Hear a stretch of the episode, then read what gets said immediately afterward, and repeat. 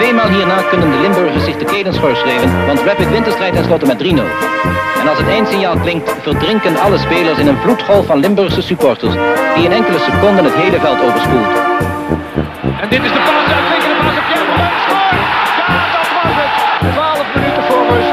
Roda staat op 1-0.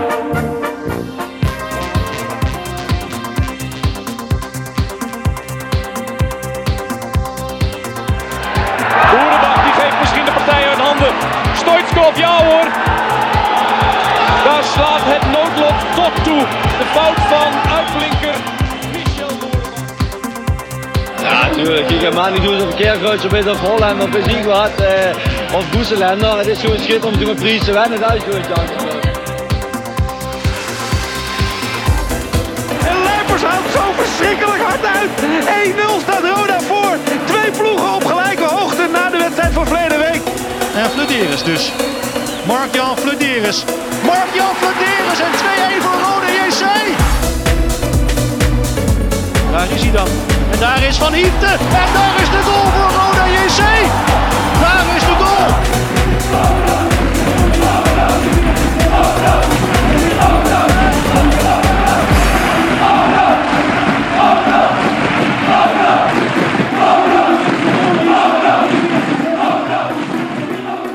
Je luistert naar de Voice of Calais. Goedemorgen, Bjorn Jegers. Goedemorgen Rob Fransen.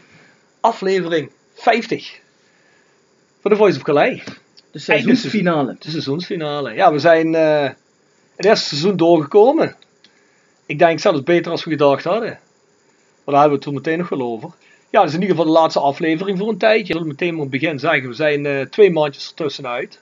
Ja, het is toch wat tijdsintensief geweest allemaal. En uiteraard is dat niet onze enige bezigheid in ons leven. Dus eh, we gaan er twee maanden tussenuit. En dat betekent dat, ik heb gisteren ergens gelezen dat de eerste divisie competitie start, geloof ik, het laatste weekend van augustus zal zijn. Ja, 26, 27, 28 augustus geloof ik. Ja, en dan zijn we de week daarna, zijn wij er weer. Dan kunnen we meteen een verslag doen van de eerste wedstrijd. Ja. Nou, we moeten even kijken hoe, hoe het gaat lopen.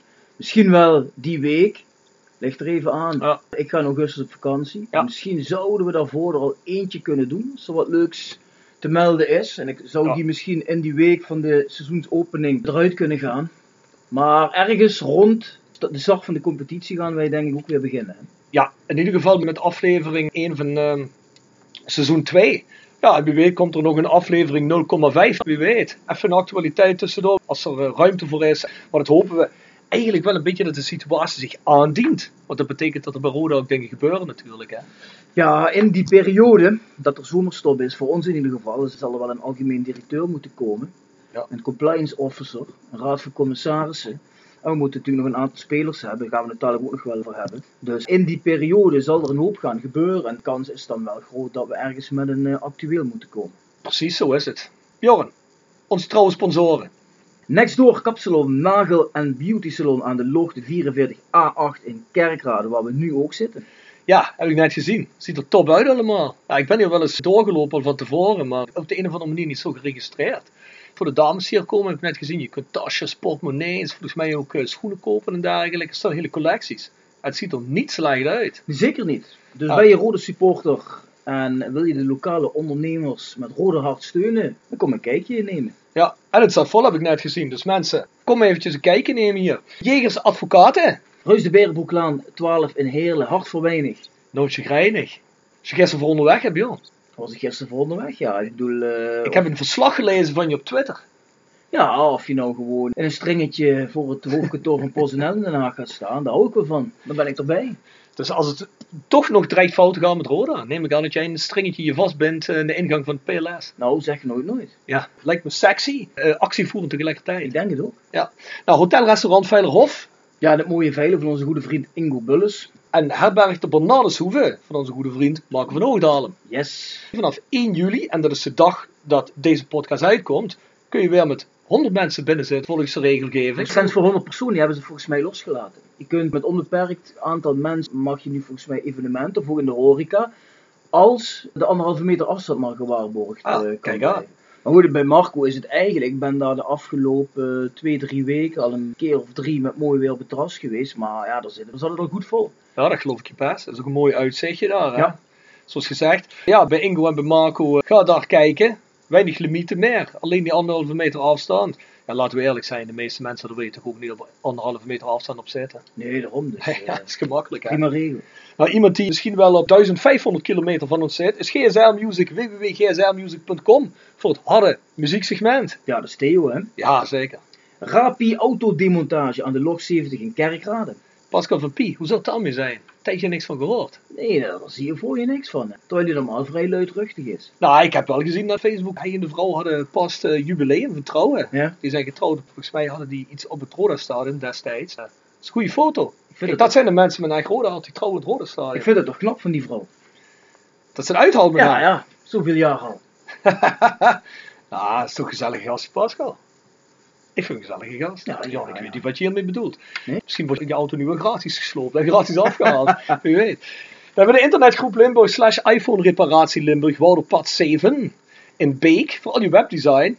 Ja, Ja. dan moet ik na de corona ook een afspraak maken, want ik moet nog altijd die nieuwe website hebben. Want Ja. voor de corona zijn we bezig geweest over die website. Toen kwam corona wel een beetje moeilijk, maar ik ben me zeker dat dat ook gaat gebeuren binnenkort. Ja, dat kan inmiddels wel weer, denk ik. Hè.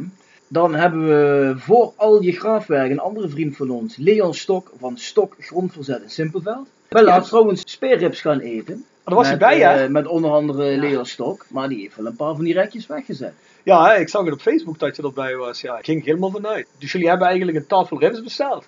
En heeft hij een extra portie besteld voor zich alleen. Ja, dat is gewoon onbeperkt eh speerrips eten. Ah, zo. En eh, terwijl iedereen al klaar was, ging Leon nog even door. Hè. Ja, maar het- ik zou ook teleurgesteld zijn als dat niet zo was. Nee, precies. Ja. Dat, eh, We hebben Willeweber Keukens en Boepengraaf 1 in Schinveld. Keukendesign voor elke beurs. Van Ooyen Glashandel sinds 1937, kwaliteitsglas zetten en reparatie met een dag- en nachtservice. Dan hebben we Quick Consulting Change Management door empowerment van je medewerkers. Wiertz personeelsdiensten. Ben je op zoek naar versterking van je personeel? Ga daar langs bij Wiertz in het PLS bij Mark en Sean. Ja, Mark vertelde me laatst dat inderdaad mensen op deze reclame inderdaad al gebeld hebben bij hun. Ja, of om zich aan te bieden om te werken, of om personeel te huren. Dus hey, Oh ja? ja, zeker. Dat zeker, zeker. Wij kregen trouwens ook een mooie e-mail. Het kwam toch volgens mij op de South 16 mail of niet? Van Pibi, van Patrick, van Ja. Quick Consulting. Ook weer een, eh, ja, een ondersteuning voor volgend jaar. Net zoals eh, van Francesco van Ooyen. Die al toezeggingen deden om ons verder te blijven ondersteunen. Vind ik mooi. Heel mooi. Francesco van Ooyen heeft ons zelfs nog een leuke gast getipt voor een podcast voor aankomend seizoen. Ja. Gaan we er niks over zeggen, maar dat, eh, daar komen we wel vanzelf op terug. Ja, dat is in ieder geval iemand uit het interne van het PLS. Het is geen speler, maar dat is denk ik des te interessanter. Ja. Ja, ik wil nog heel even alle sponsoren bedanken die ons het afgelopen seizoen ondersteund hebben. Ja, mensen hebben een Roda-initiatief ondersteund en een initiatief van Bjorn en mij. Waar niemand wist waar het zou eindigen, gelukkig, en daar komen ze meteen ook nog wel op terug. Is er iets geworden wat toch wel een hele vaart heeft genomen. Waar we ook heel blij mee zijn. Bij veel fans krijgen we als de podcast ook maar een eh, twee uur te laat online is, mails en Twitter berichten en Instagram berichten binnen. Waar blijft die podcast? Dus ja, schijnbaar hebben we toch een eh, plekje ingenomen in de harten van bepaalde rode supporters. Daar zijn we heel blij mee. Ja, het zou niet mogelijk geweest zijn als alle sponsoren ons niet waar blijven ondersteunen. Want ja, er gaat toch wel wat benzinegeld in zitten en nog wat eh, andere tijd die we eraan moeten besteden en ook andere kosten. Daar zijn we heel erg blij mee. En zeker in deze tijd eh, in corona, misschien dadelijk ook na corona, hoop ik dat ook de mensen deze sponsoren blijven ondersteunen. Wat het ook is, wat je ook doet. Als je eens een keer een nieuwe keuken nodig hebt, ga niet naar Ikea, naar die kan-en-klare zooi, ga naar Willeweber. En als je eens een keer iets in je tuin gedaan moet hebben van graven, of je moet iets verlegd hebben, bel eh, Leo Stok op en ga ze maar door. Dat lijkt me toch weer Ja. de weg om te bewandelen. Probeer zo positief mogelijk een nieuwe seizoen in te gaan. Daar hoort ook ondersteuning van elkaar bij. We moeten het allemaal samen doen, hè Bjorn? Zo is dat, jongen. Nou, dan hebben we twee prijsvraagoplossingen voor jullie.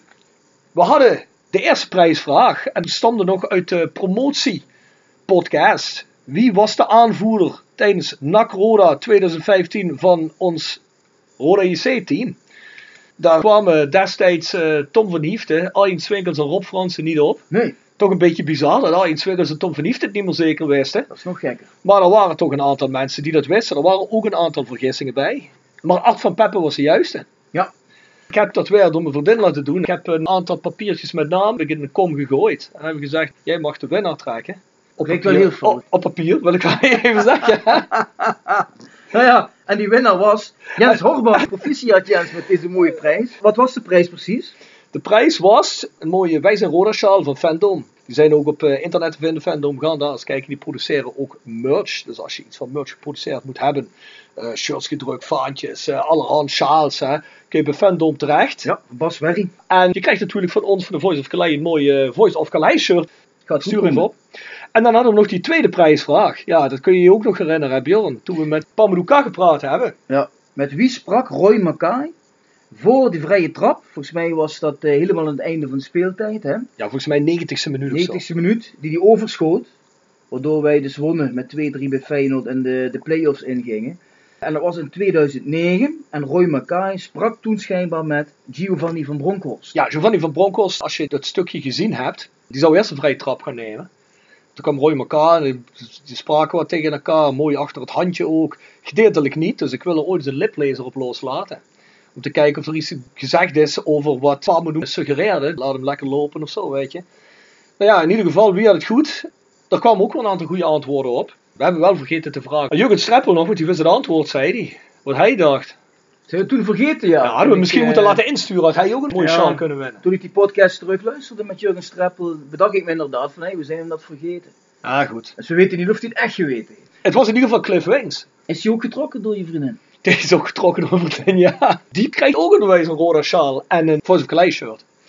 Dus eh, ja, Cliff, stuur ook even je gegevens. E-mailadres hebben jullie allemaal, want anders hadden jullie niks ingestuurd. Dus stuur het weer naar ons e-mailadres, thevoiceofcalais@south16 en dan mag je ook weer andere opmerkingen en dergelijke insturen. Plus, je mag daar zaken voor insturen voor de nieuwe prijsvraag die we hebben. Daar gaan we het zo meteen over hebben. Daar hebben we toch echt een mooie prijs, hebben Jan. Als seizoensafsluiter. Oeh.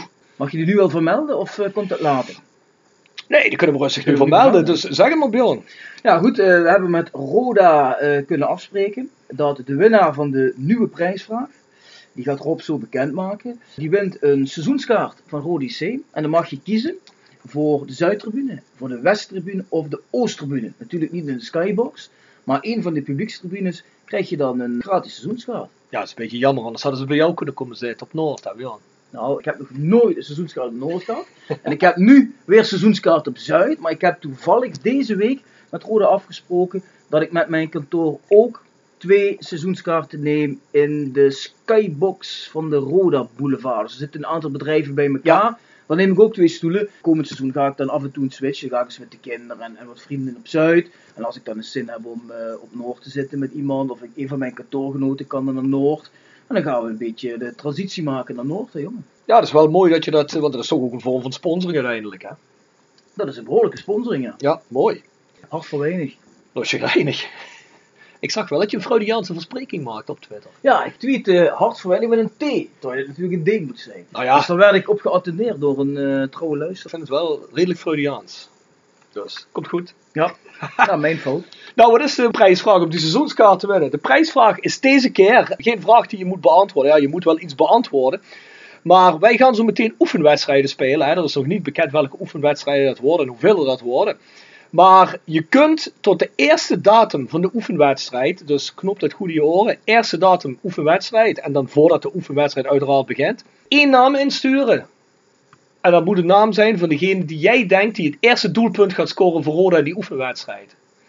Dus de eerste oefenwedstrijd Het eerste doelpunt. van het voorbereiden van het komende seizoen. En Ja. die dan het eerste doelpunt maakt. Ja. En dat kun je, die tip kun je dus doorgeven tot de wedstrijd begint. Zeg. Tot de wedstrijd begint. Dus laten we een voorbeeld noemen. De wedstrijd begint op 1 augustus om 3 uur 's middags. Dan mag je tot 1 minuut voor 3 op 1 augustus een naam doorgeven. Ja. Bart Reemans, Jordi Kroeks, Tijmen Goppel. Ja, ik zou Eh. zeggen, doe dat niet te snel. Want als je dat nu al gaat doen, Ja. heb je kans dat Roda in de komende weken nog een spits gaat halen. Nou, dan maakt die misschien. Ja, precies. Dus je kunt daar tot het laatste moment mee wachten. Laten we zo zeggen. Je mag twee keer insturen, maar we gaan alleen de laatste gaan we nemen. Ja. Maar wel komen zeuren als je je eerste e-mail een eh, andere antwoord had. Hè? Maar dan kun je inderdaad een seizoenskaart winnen. Mochten we meer de minnaars hebben, ja, dan gaan we Dan het. wordt die eh, getrokken door je vriendin. dan getrokken door een vriendin. Dat moet iedereen ook niet vergeten. Dus noteer dat even voor jezelf, dat je een seizoenskaart kunt winnen. En dat je dan ja, tot één minuut, bij wijze van spreken, voor het begin van de eerste oefenwedstrijd, je keuze kunt doorsturen. Ik had het eerste idee, Bjorn. Eh, de eerste rode speler die scoort in de eerste competitiewedstrijd. Want toen had ik zoiets van. Dat is toch een beetje grof. Hè? Iedereen hoopt dan dat hij seizoenskaart wint. Dan zijn wij duizenden mensen op het houden met een seizoenskaart te kopen. Precies. Als je ziet, dan wordt die seizoenskaart verloren. Dan na die eerste wedstrijd opeens zijn er 2000 man die een dat seizoenskaart moeten we niet kopen. Dat moeten we niet hebben. Maar goed. Nou, gepresenteerd en geproduceerd wordt hij vandaag weer door South 16. Zoals hij dat altijd al was. En zoals hij in de toekomst ook altijd zal zijn. Zou je South 16 willen ondersteunen? Ga naar shop.south16.com. Dan krijg je die mooie Voice of Calhei shirts. Daar krijg je ook een hele reeks andere Roda merch. En dan zijn we over twee weken, drie weken is er een hele nieuwe collectie. We hebben zwembroeken. Wel mooi hè. We mogen weer gaan zwemmen. Dus zwembroeken, jassen, shirts, truien. Er komt van alles aan. Eh, schoudertassen. Kom daar een keer kijken. Bovendien, de Voice of Calais shirts zijn een beetje op het raken. Dus eh, er komt een mooi nieuw designtje bij. Ik ben benieuwd Rob. Ik Ja, zag toevallig deze week kreeg ik nog een appje van Thij Wetselaar. En zijn zoon, Luca Wetselaar, die had een mooi Voice of Calais shirtje aan. Nou, kijk eens aan. Dus eh, stil aanraken die shirtjes toch wat populairder. Ja, ja, zeker. Voordat we naar onze thema's gaan, gaan we naar de tip van de week. Bjorn, wat heb jij voor tip? Nou, ik heb... eh, Ik ga ervan uit dat je foto zegt. Nou, nee, het gaat niet zeggen. Oh. Maar, ik moet wel zeggen, ik vind Fouda wel de beste serie die ik eh, zeker in het afgelopen jaar gezien heb. Vind ik Beter echt dan Ozark? beter dan Ozark. Je bent gek. Ja, 100%. Fouda vind ik beter dan Ozark. Maar dat maakt niet uit. Oké. zijn- ieder zijn ding. Dat kan. dat Maar afgelopen week heb ik gekeken, het komt natuurlijk ook een beetje door mijn eh, vak als strafrechtadvocaat, naar de miniserie over eh, Jeffrey Epstein. Oh, heb ik ook gekeken. Op Netflix. Ja, en dat is natuurlijk toch wel rete interessant. Hè. Hoe Ja. zoiets zo lang kan gebeuren zonder dat iemand iets zegt of doet. Waarbij natuurlijk gesuggereerd wordt dat het er ook mee te maken heeft omdat hij vrienden had in hele hoge kringen. Dat zou natuurlijk zomaar kunnen. Maar ja, ik denk voor iedereen wel een, een hele interessante documentaire om te kijken. Ja, Jeffrey Epstein, voor de mensen die het weten, een bekend investeringspersoon. Die, eh, ja, een beetje pedofiel hè? Klein beetje pedofiel heeft Ja. natuurlijk eh, een soort piramidesysteem op enig moment opgezet. Waarbij minderjarige meisjes weer vriendinnetjes meenamen. En daar heeft hij ja, eigenlijk En die heeft hij eh, betaald hè, om dat te doen. jarenlang ontucht Ja. mee gepleegd. En het heeft heel lang geduurd voordat daar een einde aan gekomen is.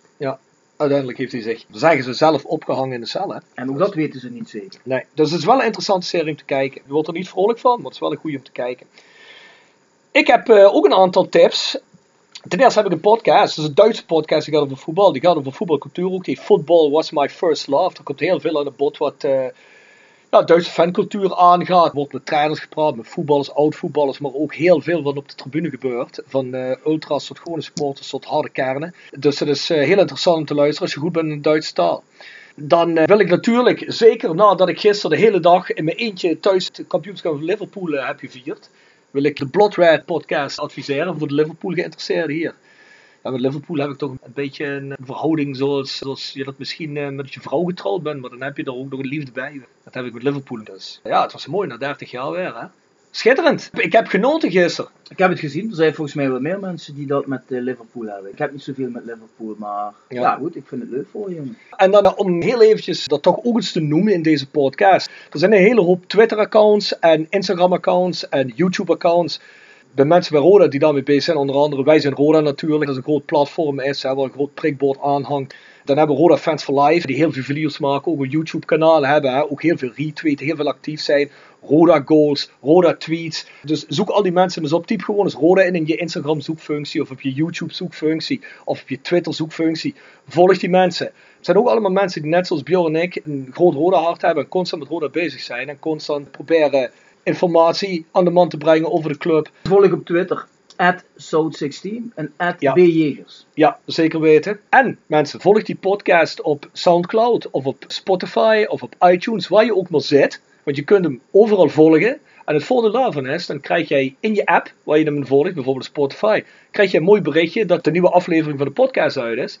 En hoef je nooit meer te zoeken. Ik weet dat er mensen zijn die hem op Facebook aanklikken direct. En mensen die geen app hebben, die wel alleen Facebook hebben, maar die geen Soundcloud app hebben, die kunnen hem daar aanklikken. Dat gaat ook, hè, dat is geen probleem. Alleen, je hebt van al die platformen heb je ook apps en dan kun je volgen. Op sommige van die platformen kun je ook een waardering afgeven. Nou, geef je mooi 5 sterren af. Dat pusht het allemaal een beetje. En uiteraard willen we nog eens een keer zeggen, mensen, haal een seizoenskaart, want we moeten het met z'n allen samen doen. Dus dat is mijn laatste tip van de week. We staan Ja. op bijna 1800 seizoenskaarten, zag ik hè. Volgens mij waren we nu net over de 18 heen, 1801 vandaag. En dat is natuurlijk, als je kijkt dat we pas kort bezig zijn, is dat een heel mooi aantal. Maar goed, als je kijkt waar een aantal andere clubs staan, die zitten al over de 3000. En ja, we hadden de afgelopen jaar, begreep ik, 3800. Dus ik vind dat we dat toch minimaal moeten evenaren. En Ja. de voorkeur moeten we eroverheen. We hebben nog een weg te gaan. Dus blijf ook mensen in je omgeving warm maken. En enthousiast maken. Iedere seizoenskaart telt. En dit is wat ook al Jurgen Streppel zei in de vorige podcast. Uiteindelijk moeten we het allemaal samen doen. Er is nu structuur in het bestuurlijke. Er komt nog een AD, er komt een RVC, et cetera, et cetera. Ik denk dat we een technisch hart hebben. Met eh, Van As en Streppel. Ik denk dat dat goed in elkaar zit. Die mannen zijn goed bezig. Die hebben een goede houding. Er is rust bij de club. Dus ja, mensen, wij moeten ook meetrekken. Ik begrijp dat veel mensen nou toch nog zeggen, ja, eerst eens even kijken. Seizoenen zijn voetbaltechnisch heel slecht geweest. Het is allemaal een puinhoop geweest. Maar mensen, geloof me nou maar. Er zit meer hoop in op het moment dat er de laatste twee, drie seizoenen in heeft gezeten. Of zeg ik iets van Bjorn? Nee, zeker niet. Maar los daarvan, kijk, we weten ook dat die mannen in die Phoenix groep gezegd hebben van kijk, wij gaan niet in ons eentje dan maar gewoon blind miljoenen inpompen. Dus wij willen best wat doen. Maar we willen ook dat het stadion dan wel weer een stuk voller is dan afgelopen seizoen. Dus ja, goed, op het moment als wij dat stadion vullen, dan zullen die mensen hopelijk ook enthousiaster raken. En misschien ook wel meer willen bijdragen dan dat ze aan de voorkant dachten dat ze wilden doen. Want we moeten niet alleen maar naar hun kijken en denken van ach ja, er zitten nu weer een aantal mensen met veel geld, dus het komt vanzelf dan wel weer goed. Nee, we moeten het samen doen. Wij moeten naar die wedstrijden komen en zij moeten dan de infrastructuur neerzetten. Ja goed, en hoe meer mensen naar het stadion komen, des te betere spelers kan eh, Jeffrey van As halen. En dan kan Jurgen Streppel daar een beter team van maken. Dus het is altijd de wisselwerkingen. We hebben het al vaak gezegd en ik begrijp ook dat dat afgelopen seizoen natuurlijk, zeker afgelopen seizoen, vaak eh, heel moeilijk te verkopen was. Maar als ik mensen op praat, dan zeg ik, moet eerst kijken hoe het voetballend wel wordt. Ja mensen, je bent supporter of je bent het niet door dik en dun. Je gaat toch gewoon kijken naar de club. We hebben er echt mensen zitten nou, die weten waar ze mee bezig zijn. Of het dat uiteindelijk gaat worden, dat zullen we zien. Maar zonder onze ondersteuning, ook van onze kant, alleen maar te roepen wat Bjorn net al zegt. Ja, er zijn mensen met miljoenen, miljoenen achter de club, dat ze er eerst van ons wat geld in pompen. Er is nu een structuur neergezet en dat is eigenlijk het enige wat we ook kunnen eisen en moeten eisen. Een structuur neergezet met sluitende begrotingen. Er is een budget voor Jeffrey van als om het team neer te zetten. Er is een top 5 budget beloofd, wat hij ook heeft. Dus eh, ja, dan ligt het er een beetje aan of spelers kunnen krijgen. En dat is denk ik ook wat we kunnen verwachten op dit moment. En eisen van, maar we moeten dit en het moet meer. Ja, ik bedoel, heel eerlijk. Mensen, we moeten de club in alle rust opbouwen. En zeker naar de puinhoop die is geweest de laatste jaren. En ja, goed, daar horen wij allemaal bij. Dus laat je niet meer houden. Kom gewoon erheen. Nou, een korte terugblik naar de Voice of Calais van afgelopen jaar. Onze eerste aflevering kwam online op 17 juli 2019. Die namen we op een week van tevoren volgens mij, of twee weken van tevoren. Nou, dat is ongeveer rond deze tijd geweest. Ja. Wij kwamen op het idee om dat te doen. Toen wij volgens mij op een bijeenkomst waren waar Roda min of meer op zijn diep zat. We hebben daarover gesproken. Toen waren we op die bijeenkomst om geld in te zamelen omdat de club dreigde failliet te gaan.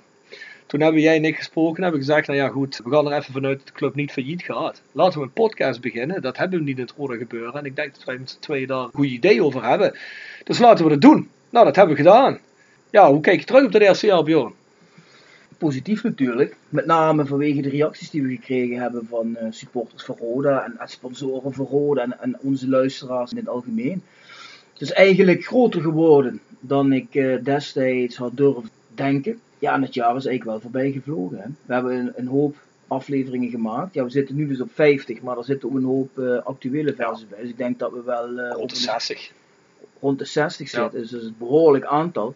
Maar goed, het is gewoon heel leuk dat je goede reacties van mensen krijgt. En met name, hè, wat we eigenlijk wilden, was om gewoon bij de mensen het rode gevoel een beetje levend te houden. Mhm. En mensen een beetje te delen wat er in en rond de club leven. Want heel veel mensen die idee hadden van ja, ik ben wel supporter, maar ik weet bij niet wat er bij die club allemaal gebeurt. En hoe zit dat allemaal? Waren een beetje vervreemd geraakt van die club. Dus wij willen dat wat dichter bij elkaar brengen.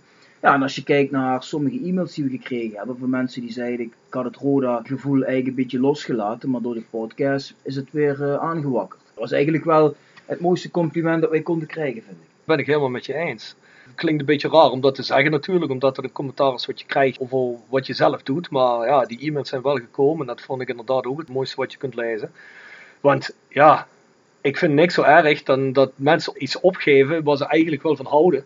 Dat, dat waar ze van houden eigenlijk zo'n puinhoop is geworden. En het kan een relatie zijn, maar dat kan ook een relatie met je club zijn. Dat vind ik dan ook mooi om te lezen. Dat we daar iets in hebben kunnen betekenen dat mensen dat gevoel weer terugkrijgen. Laten we eerlijk zijn, we hebben toch ook een aantal hele mooie gasten gehad. Of het nou mensen waren uit het recentere verleden van Roda, of het eh, wat verder eh, terugliggend verleden van Roda, of ook gewoon mensen uit de selectie. Ik denk dat in het algemeen, ook bij Roda als club, de podcast eh, een bepaalde stelling heeft gekregen. Ja, dat is inderdaad wel heel mooi wat je daar zegt. Want je merkt dat nu, zeker de laatste maanden, dat die samenwerking met Roda heel goed van de grond komt. Zoals nu met die seizoenskaart.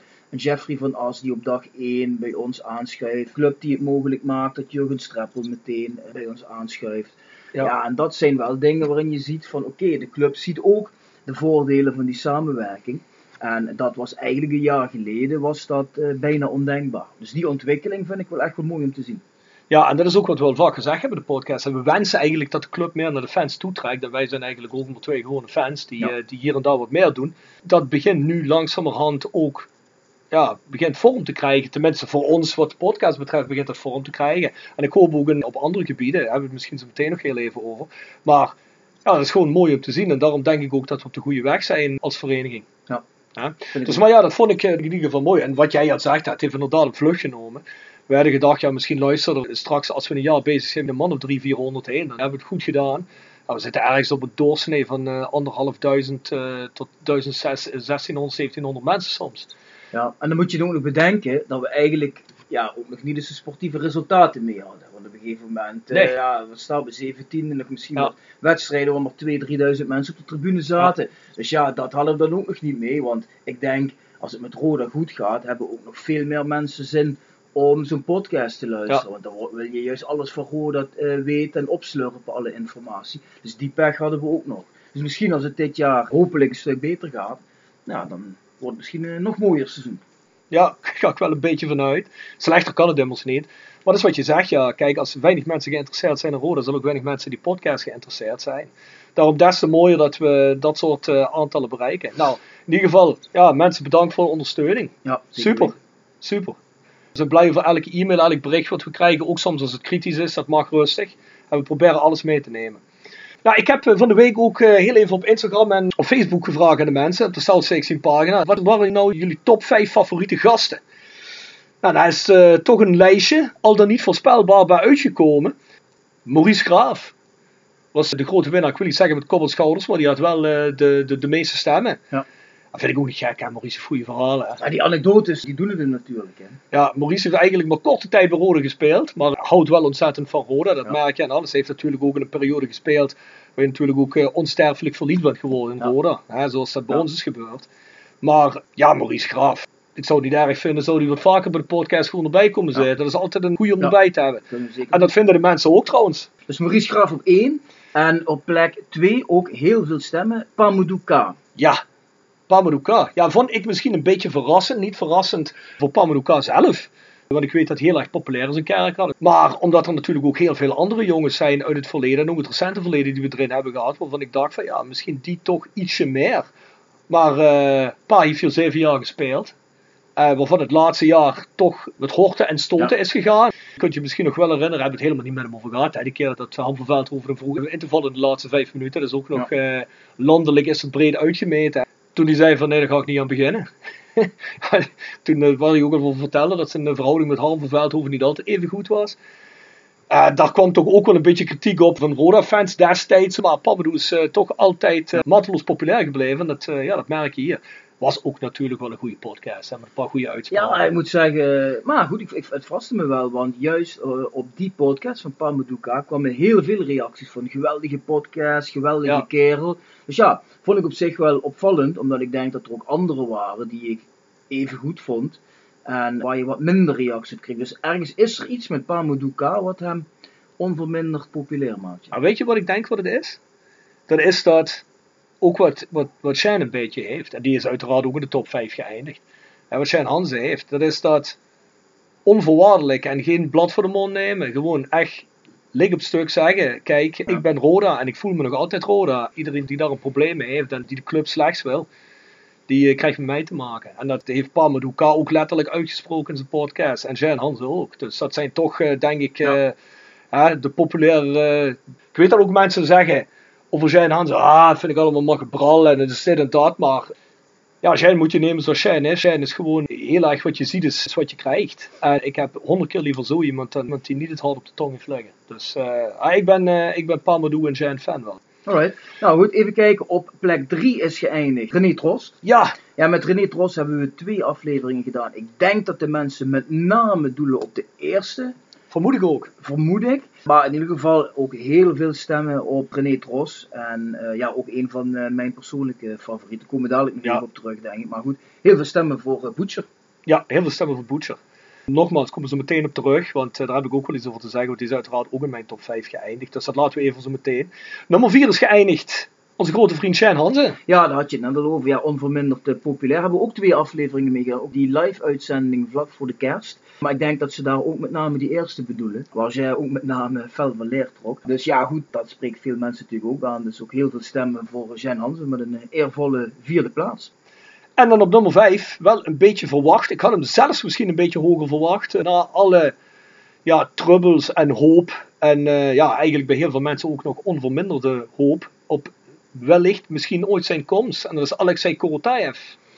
Ja, ik had hem eigenlijk ook, in de regel had ik hem iets hoger verwacht. Van de andere kant, we hebben het natuurlijk, die podcast met hem gedaan, op het moment dat hij afscheid heeft genomen. En ik denk, als je een podcast met hem had gedaan, juist op het moment dat hij wel gekomen was, dan denk ik dat hij nog dubbel zo goed beluisterd Dat denk ik ook. Mhm. Ja, dus eh, ja, voor hem was het een beetje dan eh, een afscheid. Wellicht een voorlopig afscheid, de toekomst zal het leren. Mhm. Maar ja, blijft natuurlijk wel een persoon van wie heel veel mensen eh, graag wilden weten hoe zit dat nou allemaal. En ik denk dat zijn populariteit in ieder geval na die podcast niet minder is geworden. Ja, want je hebt eigenlijk alleen maar positieve reacties gelezen erop. Hè. Dus ik denk dat veel mensen die toch twijfelen, want er waren ook reacties bij van mensen, daar eh, heb ik online wel eens reacties van gelezen. Ja, volgens mij is dit ook een charlatan die toch langzaam zijn bijgedraaid, zoals ik dat ook heb gedaan in de loop van het seizoen. Ja, dat eh, heeft onder andere te maken met verhalen die ik van jou kende, maar nu ik eh, ook een aantal keer persoonlijk met hem heb gesproken. Ja, kijk, de toekomst zal het leren. Is wat Alex zei zelf al zeggen in de podcast. We zijn nu met een construct bezig hier, waarin ik ook wel geloof dat het toekomst heeft. En of hij dan daar de, de verdere toekomst er iets toe kan bijdragen, ja, dat zal het leren. Maar hij is wel onverminderd gemotiveerd daarvoor. En ja, dat is wat we al gezegd hebben. Hij had het niet hoeven zijn, hè. Ik bedoel, hij had ook kunnen zeggen, ja, jongens, het is mooi geweest. Kom nog wel een keer kijken, maar een podcast hoeft van mij niet meer. Het is toch iemand die eh, graag aan de fans wil uitleggen dat hij toch ook altijd plannen heeft met deze club. Ja, zeker weten. Nou, er waren dan een aantal eervolle vermeldingen. Dat zijn de gasten die veel stemmen hadden, maar die uiteindelijk niet in de top 5 geëindigd zijn. Dat was Mats Jonker, ook topspits van Roda in zijn tijd. Dat waren wij met onze actuele uitzendingen. En een toch wel verrassende voor mij was, omdat hij ook volgens mij de minst verstaanbare podcast was van het hele seizoen. José Maria Fernandez Rubio, onze digitale datascout. Er waren wel veel mensen van tevoren die vroegen, kunnen jullie met hem een podcast doen? Ja, die jongen ja, die heeft ook best wel behoorlijk wat, wat stemmen gekregen. Ook wel verrassend, vooral ook omdat het eentje in Engels is. Ja, en ik vind het wel mooi, want dat betekent wel dat de mensen niet alleen geïnteresseerd zijn in de anekdotes en de analyses van oud-spelers. En de nieuwe spelers en de nieuwe mensen die eh, kwamen kijken bij de club. Maar ook mensen vanuit de club zelf, dus vanuit de technisch harde, of mensen die om het team heen zitten, van de organisatie heen. Er eh, zijn ook wat stemmen geweest van Mark Maas en ook wat stemmen van Cyril Engels. Dus vind ik toch wel interessant dat mensen dat eh, net zo interessant vinden als wij. Ja. Nou Bjorn, laat eens weten, wat was jouw top 5 van gasten? Dat interesseert me wel. Eh, mijn persoonlijke top 5 blijft nog altijd Huub Stevens. Op één? Ik heb niet zozeer een top 5 in die zin dat er een duidelijke 1 is en een duidelijke 5. Mhm. Maar gewoon, als je mij vraagt welke 5 vallen jou in waar je het beste gevoel bij hebt. Ja. Ja, dan vind ik eh Huub Stevens zit daarbij. En waarom? Nou, sowieso al omdat ik het vet vind die dag dat we bij hem waren uitgenodigd bij hem Ja. thuis. Ja, dat is gewoon al een belevenis op zich. Maar goed, hij heeft natuurlijk eh, heel veel te vertellen op een eh, hele leuke manier. Een markante persoon.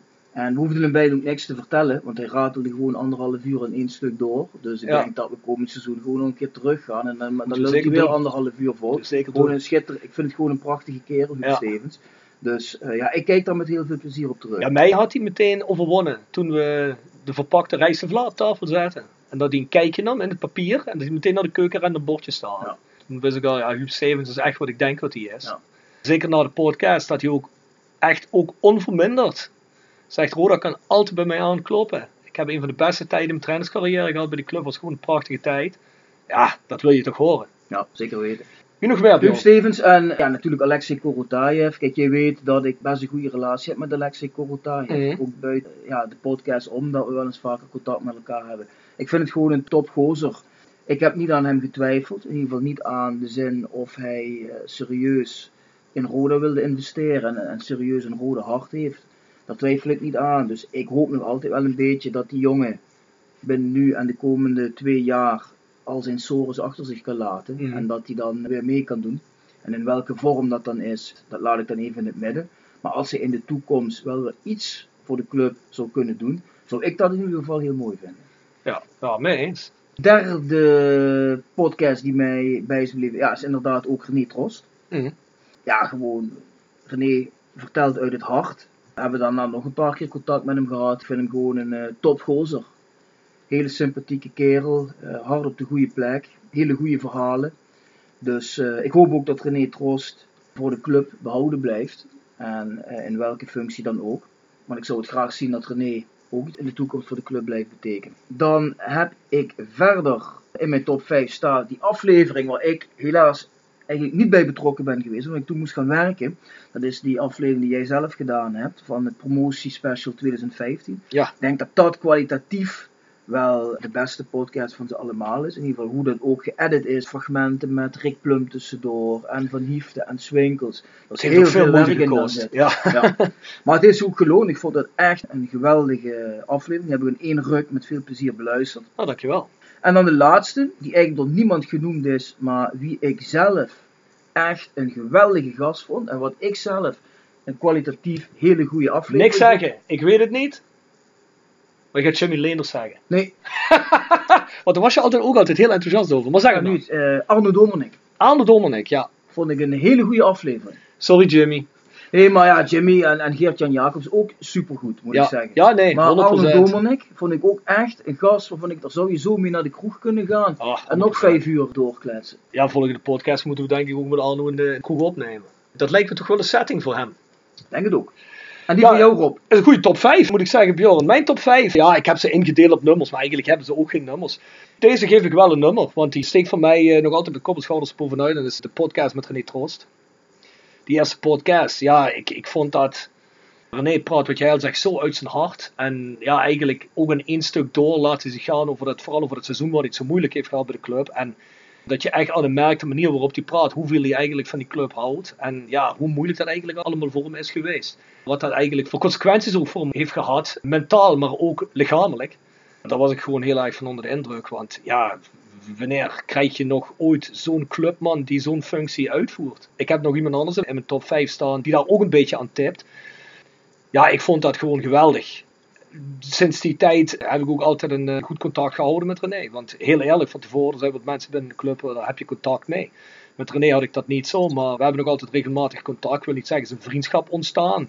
Misschien komt het er nog wel uit, maar wel een heel erg warm en goed contact. Dat vind ik ook schitterend, want René is echt een goede gast. Dat is, eh, Ja. dat is ook iemand, daar, eh, ja, die zou je zomaar tot je vriendenkring eh, kunnen, zou die kunnen aansluiten. Want het is gewoon een eh goede gozer. En daarom ben ik het volledig eens met het statement wat jij net maakt. En dan wil ik zonder meer ongegeneerd voor lobbyen. Dat René Tros behouden moet blijven voor deze club. Omdat, voor dezelfde reden dat ik hem op één heb staan met de podcast. Dat zijn precies de mensen die jij bij een club moet betrekken. En daar komt nog eens een keer bij. René heeft relativeringsvermogen. René kan omgaan met mensen. René weet wanneer iets te ver gaat en niet te ver gaat. René heeft een achtergrond als trainer. René heeft al bij clubs gewerkt. En als je zo iemand kunt blijven betrekken bij de club, al is het maar als persoon die tussen de geledingen doorfietst en plooien eh, gladstrijkt, omdat René waarschijnlijk met iedereen goed kan. En dat René ook precies weet wat deze club nodig heeft, tips kan geven, advies kan geven. Lijkt me dat eigenlijk een perfecte positie voor. Ja, ik weet niet of dat een positie is die er is bij de club, maar als het er niet is, zouden ze moeten creëren. Want ik denk dat daar René Troost perfect voor geschikt is omdat ja, je hebt niet meer die druk die René eigenlijk niet meer aan kan en ook niet meer wil. Ik denk wel dat René dolgraag voor de club behouden wil blijven, ook zelf. En ik denk dat als je als club dat aan René zou vragen en daar een taak zou geven, dat je echt spekkoper bent en dat het echt goud is voor de atmosfeer binnen de club, Dan heb ik het niet alleen over de mensen die er werken op de werkvloer, maar dan heb ik het gewoon voor alles. En het straalt ook iets schitterends uit, denk ik. En iedereen die spreekt over René Tros, ik denk niet dat er iemand is die zegt, oh, René Tros is de foute man uh, voor iets te doen bij Roda. Dus daarom, uh, ja, zoals gezegd, René Tros is uh, wat dat betreft mijn favoriete podcast geweest dit afgelopen seizoen. En dan heb je natuurlijk nog een aantal andere mensen, zoals uh, ja, Shane. Waarom is Shane bij mij een van de favorieten? Wat ik al zeg, Shane heeft hard op de tong. En dan mag ik wel. Er komen soms grove uitspraken uit, er komt ook soms wel eens wat uit dat je denkt van, ja, Jean, dat weet ik niet helemaal of dat op die manier moet. Maar Jean houdt ook van deze club. Jean heeft ook bijna zijn hele leven voor de club gespeeld. We kunnen discussiëren, is Gerry of is uh, Jean uh? Nou, dan hebben we maar twee Mr. Roda's, dat boeit niet. Allebei mensen met een uh, even groot clubhart. En dat mensen soms gefrustreerd zijn over deze club. Dus dat zit hem in het, wat ze Duitsers zeggen, wat zich liept, dat nekt zich. Die mensen houden zoveel van die club, als die zoiets zien, ja, dan zijn ze ook wel eens en zijn ze geïrriteerd. Die willen alleen maar het beste voor de club en die willen toevoegen. Die willen eigenlijk uh, ook onderdeel zijn en ingezet worden op een plek waar ze misschien nog iets kunnen betekenen. Ja, dat zal voor de een zal het meer zijn, voor de andere minder en op heel andere gebieden. Maar nogmaals, hè, ik weet dat dat een stokpaardje van mij is, misschien nog meer als van jou Bjorn, maar ik vind dat je, dat je oudspelers op de een of andere manier bij deze club moet betrekken. En dat hoeft niet per se voetbaltechnisch te zijn. Maar dat is voor de uitstraling van de club en van elke club, denk ik, in de wereldwijde voetbal. Als je historie hebt, moet je hem erbij betrekken. En ik vond Leo Degens, eigenlijk bij mij ook in de top 5, die is ook eigenlijk maar één of twee keer genoemd door mensen. Maar ik vond dat, ja, ik was daar ook zeer van onder de indruk. Ik, ik kende dat verhaal van Leo, maar heel een beetje terzijde. En ja, ja, dat je toch dat verhaal zomaar eventjes op publiek komt doen op een podcast. Wat is wat ook de afgelopen jaren, hè, je hebt het net over het Jeffrey Epstein verhaal gehad ja, het zijn allemaal van die verhalen die zijn toch wel degelijk belangrijk, ook in de voetballerij, denk ik. En ik vond dat indrukwekkend. Ja, dat is een prima verhaal van uh, Leo Degens, klopt je. Ja, dan heb ik er nog twee. Pamadou heb ik ook in mijn top 5 staan. Puur ook voor die uh, gedrevenheid, vond ik super mooi. En zeker voor iemand die niet uit de streek is. Ja, de man is in Afrika geboren, op vroege leeftijd naar Noorwegen gegaan, heeft een Noorweegs paspoort. Wat ik daarmee wil zeggen, heeft tot een bepaalde leeftijd eigenlijk niks met Roda gehad. En om dan toch in die club zo te gaan houden, ja, dat vind ik fantastisch. En bovendien was het misschien een de laatste Mohikanen die we Roda hebben gehad, die echt onverzettelijk was. Maar je wist van ja, Pamadou is misschien niet de beste mandekker die Roda ooit heeft gehad, maar dat is wel iemand, daar ga je niet graag een duel mee aan. Dat vind ik schitterend. En ja, zo is ook zijn persoonlijkheid. En je laatste? Mijn laatste is Rick Plum. Dan neem ik de hele promotiepodcast ook mee. Ja, dat wil ik mezelf niet uh, op de rug kloppen. Maar ik, ik heb er enorm van genoten die te editen. Zoals jij al zegt, heeft inderdaad veel tijd gekost. Met die fragmenten en alles. En was ook de eerste keer dat ik dat zo uitgebreid deed. Dus misschien in een vervolg gaat dat, of in de toekomst, zullen we zeker weer eens een keer zoiets doen. Maar dat kan niet elke week. Dat zou mooi zijn. Dan moet het toch echt aan mijn baan zijn, want anders gaat dat niet lukken. Maar dat komt nog wel eens, maar dat vond ik super leuk om te doen. En dan ben je ook heel intensief bezig met wat iedereen zegt. Omdat je binnen knippen, je luistert terug, nog veel meer als een edit die we normaal doen. Om eh, bepaalde zaken smooth te laten lopen in de podcast. Ja, Rick Plum die had een heel erg emotioneel verhaal. En wat ik vooral heel erg mooi vond, en ik weet niet of dat op de podcast, want dat, dat hoor ik eigenlijk niemand zeggen, maar er is een momentje. Maar ik heb ook de podcast met uh, Rick gedaan via Skype. En ik had natuurlijk beeld erbij. Maar op een gegeven moment wordt Rick ook enorm emotioneel. En uh, ja, het pinkt echt een traan weg. Ja, en dat vond ik qua gedrevenheid ook weer schitterend. Kijk, je kunt zeggen over dat seizoen is het Rick Plum geweest, en Trigilio en, en Soetemulder die dat nou uiteindelijk zover hebben gebracht dat we gepromoveerd zijn. Of is het ook René geweest, of zijn het allemaal geweest, of was het vooral René. Dat doet er allemaal niet toe, maar het is ook iemand die enorm gedreven was en ja, die, uh, ja, die dan met enorm veel hard in zit. En dat heeft ook wel indruk op me gemaakt. Dus dat is mijn top 5 als we gaan kijken wie je graag in de toekomst als gast zou willen, dan zal Rick Plum waarschijnlijk bij jou ook wel een van de, de kandidaten zijn voor een reguliere podcast. Zeker weten. De jongen heeft ook, ook heel lang bij Roda gespeeld en hij zegt het zelf relatief verder ook heel erg goed. Op het einde zegt hij, kijk, ik heb bij Roda nooit een rol uh, kunnen spelen die verschil heeft gemaakt. Alleen, op dit einde van dit seizoen heb ik het gekund. Ja. Dan zegt hij van ja, dat vond ik schitterend dat ik dat kon voor de club, omdat ik als speler eigenlijk nooit eigen rol van dat belang heb gespeeld. Ja, dat vond ik, uh, dat vond ik schitterend. Dus uh, ja, zoals gezegd. Ja. ja, goed, ik heb zelf een opening bij Wim Collard, met wie ik af en toe contact heb over de app. Ja, Wim heeft wel eens in dubio gestaan van ja, zou hij mee moeten werken aan een podcast of niet. Ik heb het idee dat hij daar de laatste tijd toch wel serieus over nadenkt. Dus ik kan niet toezeggen dat hij gaat komen, maar ik sluit ook niet uit dat we uh, komend seizoen misschien een keer een podcast met Wim Collard kunnen doen. Want ja, Wim is toch uiteindelijk jaren algemeen directeur geweest. En hij heeft een hele hoop meegemaakt bij Roda. Dus ik denk dat we met Wim een hele uitgebreide podcast kunnen opnemen en vullen. Ja, ik denk een gast van wie heel veel mensen zouden willen weten. Ja, hoe zijn bepaalde zaken bij Roda nou uiteindelijk tot stand gekomen. Dus ik, eh, ik pols Wim nog wel eens af en toe. Ja, wie weet, eh, hapt die binnenkort een keer. Ja, het zou mooi zijn als iemand in het bestuur, al is het een, een oud bestuur, eens een keer ook aanschuift. Want ja, daar zit toch ook vaak bij ons de pijn bij Ja. het bestuurlijke gedeelte. Ik heb ook de mensen gevraagd, wat vonden jullie de beste uitspraak in de podcast? Er kwamen reacties op. Dat was natuurlijk de gevraagde uitspraak van Jan Hansen, die eh, ook eh, de landen, of de landelijk, ik ga, een beetje heel erg ver, die de lokale pers haalde tot een aantal andere Of Erik zaken. van der Leur bedoel je? Ja, De witte gnoom. de witte genoom. Ja, ja, ja, klopt. Tot een aantal andere zaken. Bijvoorbeeld dat eh Huub Stevens elke tweede zin zegt, bij wijze van spreken. Ja. dat soort zaken kwamen allemaal. Ja, zoals gezegd, hè, eh, wat heb jij als eh, beste Ja, uitspraak? eh, ik had inderdaad opgeschreven Huub Stevens, die altijd zei bij wijze van spreken. Die is natuurlijk wel heel erg bekend. Wat ik ook wel een goede uitspraak vond, was van Jurgen Streppel. Toen jij hem vroeg of die speler die ze ging eh, vastleggen, wat dan achteraf waarschijnlijk Tijmen Goppel bleek te zijn, of, of die dat een goede speler vond, en dat hij zei van nee, die kan er helemaal niks van. er zijn ook heel veel mensen die daar een berichtje over ja, gestuurd klopt, hebben. klopt. Dus dat was ook een goede uitspraak. Ja, weet je wat ik vond? Toont dat een trainer ook humor heeft. Dat je ook eens een keer kunnen hoeren met een trainer, dat vond ik goed. Ja, ik had zelf natuurlijk de witte genoom uitspraak van Jean. Gewoon omdat het puur Jean is. Andere iemand had waarschijnlijk gezegd, ja, weet niet of ik dit nou moet gaan zeggen. Ja. Er zijn wel eens van andere mensen geweest in de podcast, en het waren niet precies spelers, maar die zeggen, ja, ik heb een bedenking over die en die persoon, maar dat wil ik wel in de podcast niet gaan zeggen. Begrijpen we ook, hè, want je moet misschien met mensen samenwerken, Ja. of het zijn mensen waar je mee samengewerkt hebt. Maar ja, dat is puur Jean, dus dat vond ik wel een goeie. Dan die van Pamadou Ka. Dat hij tegen Blom zei, eh, ik ga je op je back slaan. Als we dit gaan verliezen en we halen de play-offs niet, we degraderen door jou. Dan krijg je met Ja. mij te maken. En dat vond ik grappig, want waar las ik dat nou? Was Nou, we er... kregen de e-mail van Mark Stroeks, hè. Ja, vertel jij dat eens Bjorn.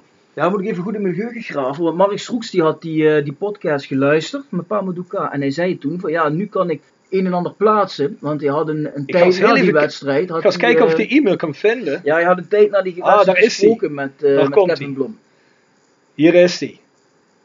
Mooie podcast wederom, met een leuke wetenswaardigheid over het penalty-incident bij, Ro- bij Feyenoord Rode JC in 2009. Dat K-scheidsrechter Kevin Blom zo flink had aangepakt, wist ik niet, maar het werpt wel een apart licht op de zaak. Het toeval wil dat Kevin Blom uit Gouda afkomstig is en op zaterdagen vaak jeugdwedstrijden van zijn neefje in de regio bezoekt of bezocht. Bij een van die wedstrijden, een jaar of zes geleden, stond hij naast me en toen hebben we het over die wedstrijd gehad.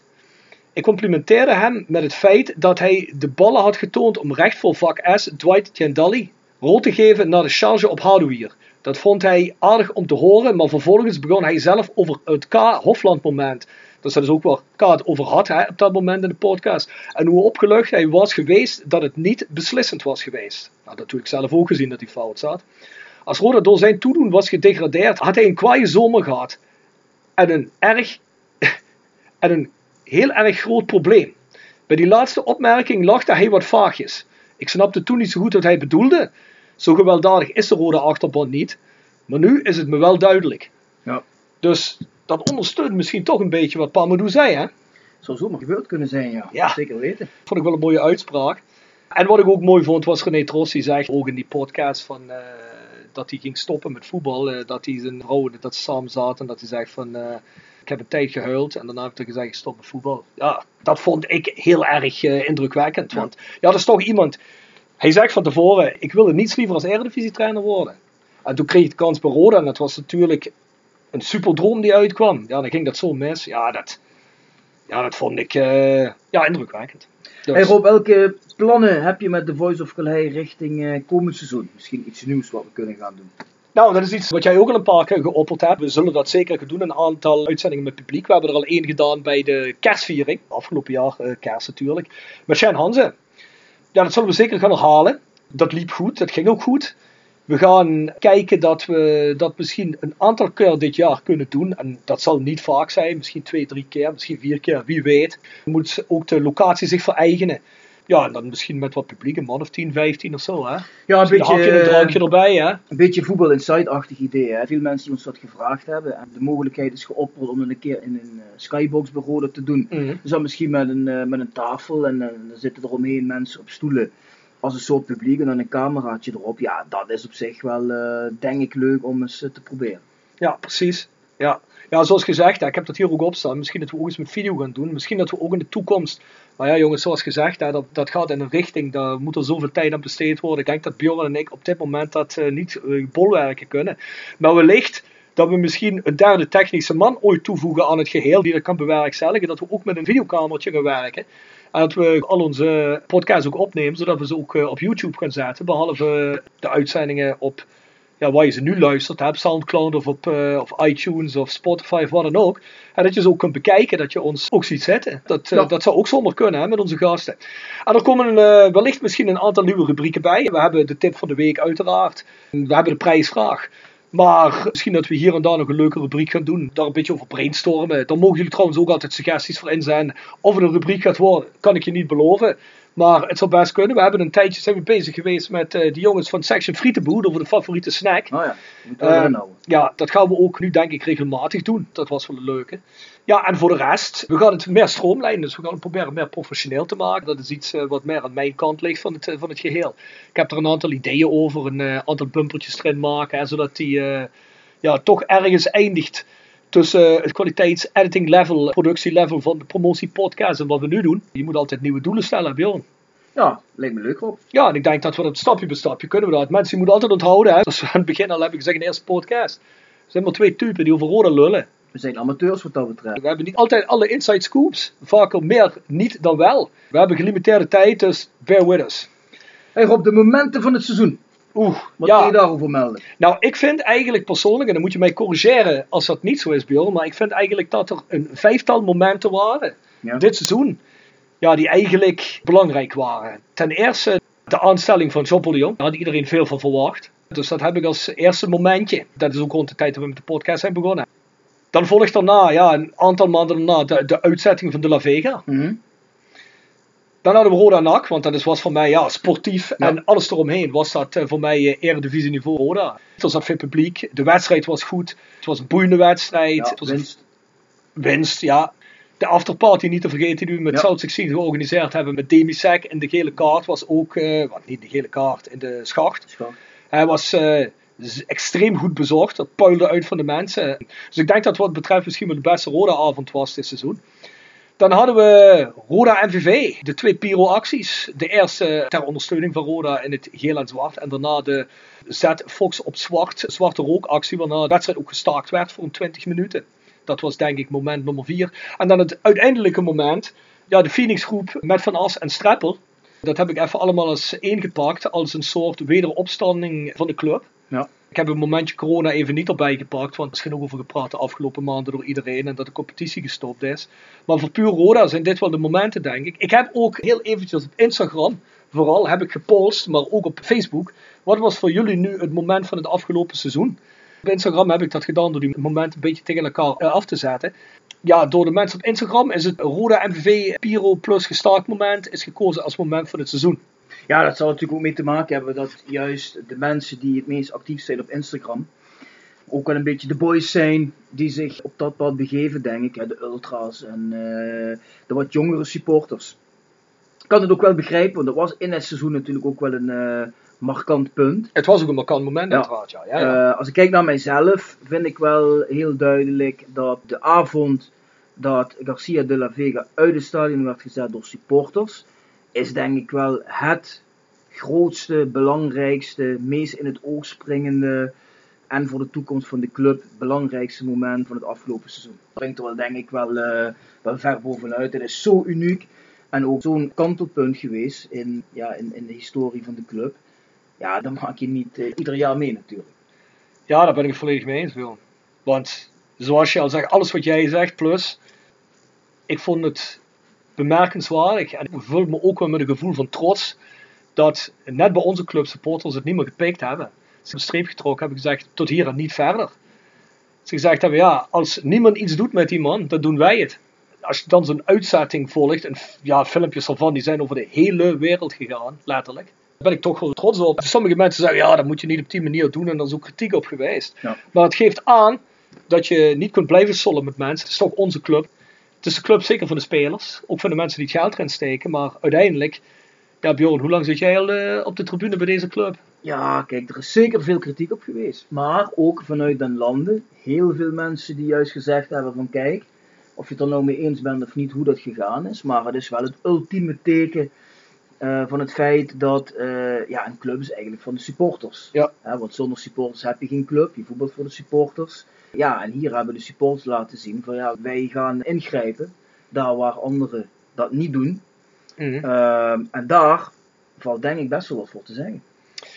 Ja, zeker. 100%. Ja, zoals gezegd, die man die was ook eigenlijk helemaal van de pad. Ja. Die was ook niet te houden, die had er nu nog gezeten. Zonder centen, zonder niks. En dan waren we waarschijnlijk ergens failliet gegaan rond dit punt. Ja. Ik bedoel, het was ook hoog nodig. En ik denk dat het ook een teken is, en dat vind ik ook goed, naar de toekomst toe. Van de tribune, mensen, neem deze club wat serieuzer. Want wij nemen hem wel heel serieus, met alle gevolgen van dien. Ik moet wel heel even zeggen dat ik wel het Roda MVV moment, er is ook heel veel kritiek op geweest, heel veel over gesproken. Intern heeft dat ook de, de tribune een beetje gesplitst. Ik vond dat wel een belangrijk moment en ik vond dat ook goed dat dat gebeurd is. Ik ga er niet weer helemaal over uitweiden, dat hebben we al een keer gedaan in een podcast. Maar het is ook belangrijk dat fans laten zien dat de commercie niet zomaar alles kan doen met voetbal. Dat Roda MVV daardoor gestaakt is, misschien zetten dat nog wel meer kracht bij.